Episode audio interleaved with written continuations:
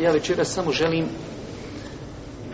da ne zaobiđemo ovog velikog ashaba, da spomenemo nekoliko stvari koji se vezuju za Abdullaha ibn Omara radijallahu ta'ala anhu.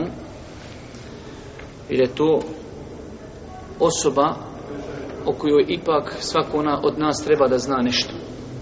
Sin Omara radijallahu ta'ala anhu Allahu poslanik alaihi salatu wasalam je izrekao velike riječi pohvale o Abdullahu ibn Omeru. Šta je rekao Allahu poslanik za Abdullah ibn Omera?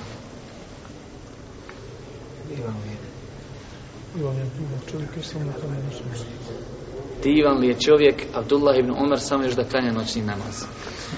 Imamo hadis kojeg zabilježu imam Buharija i Muslim da je Abdullah ibn Omer jedne noći usnu vidio da je u džennetu.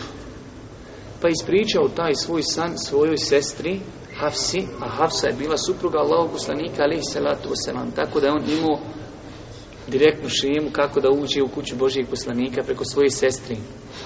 Kaže, pa mu je ona ispričala taj njegov san, pa je rekao Allahu poslanik alaihi salatu wasalam, hadis je znači u Buhari i Muslimu, inna ahaki ređulun salih, zaista je, kaže, tvoj brat dobar čovjek. A u rivajetu, zaista je Abdullah dobar čovjek. To je hadis kod imama Buhari i Muslima. Imamo drugi hadis čiju vjerodostojno se potvrdio šeha Albani rahmetullahi alihi. Također, Abdullah ibn Omar kaže za sebe on je inače jedan od mlađih ashaba. Imate kategorija ashaba u smislu onaj životni dob, imate stariji ashabi, imate mlađi ashabi.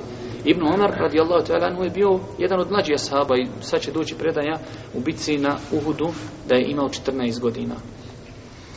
Kaže, ja sam bio neoženjen i spavao sam inače u džami Božijeg poslanika sve dok se nisam oženio.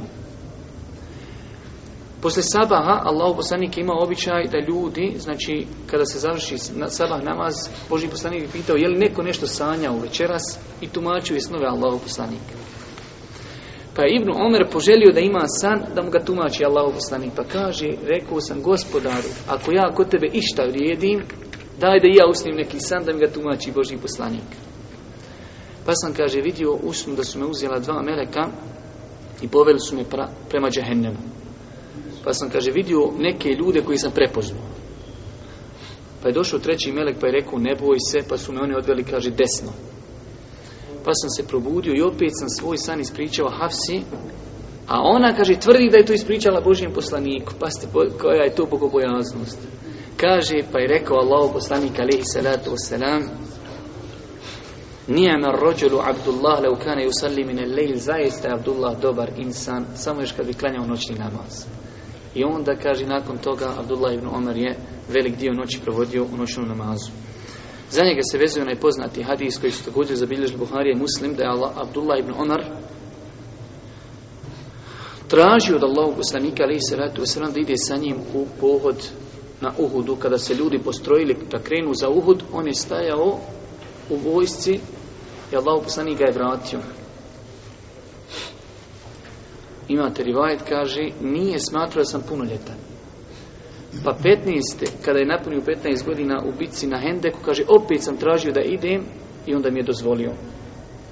Zato Nafja, njegov sluga, koji je prenio mnogo, mnogo hadisa od, Omera, e, od Ibn Omara radijallahu ta'ala anhu, kaže, kada je bio vakt hilafeta Omara ibn Abdul Aziza, ja sam mu ispričao ovaj hadis i on je, kaže, na osnovu ovog hadisa postavio granicu punoljetstva da je 15 godina punoljetstvo u islamu. U svakom slučaju, braću moja draga, znači, to je nešto što bi svako od nas trebao da zna o biografiji Abdullaha ibn Omara radijallahu ta'ala.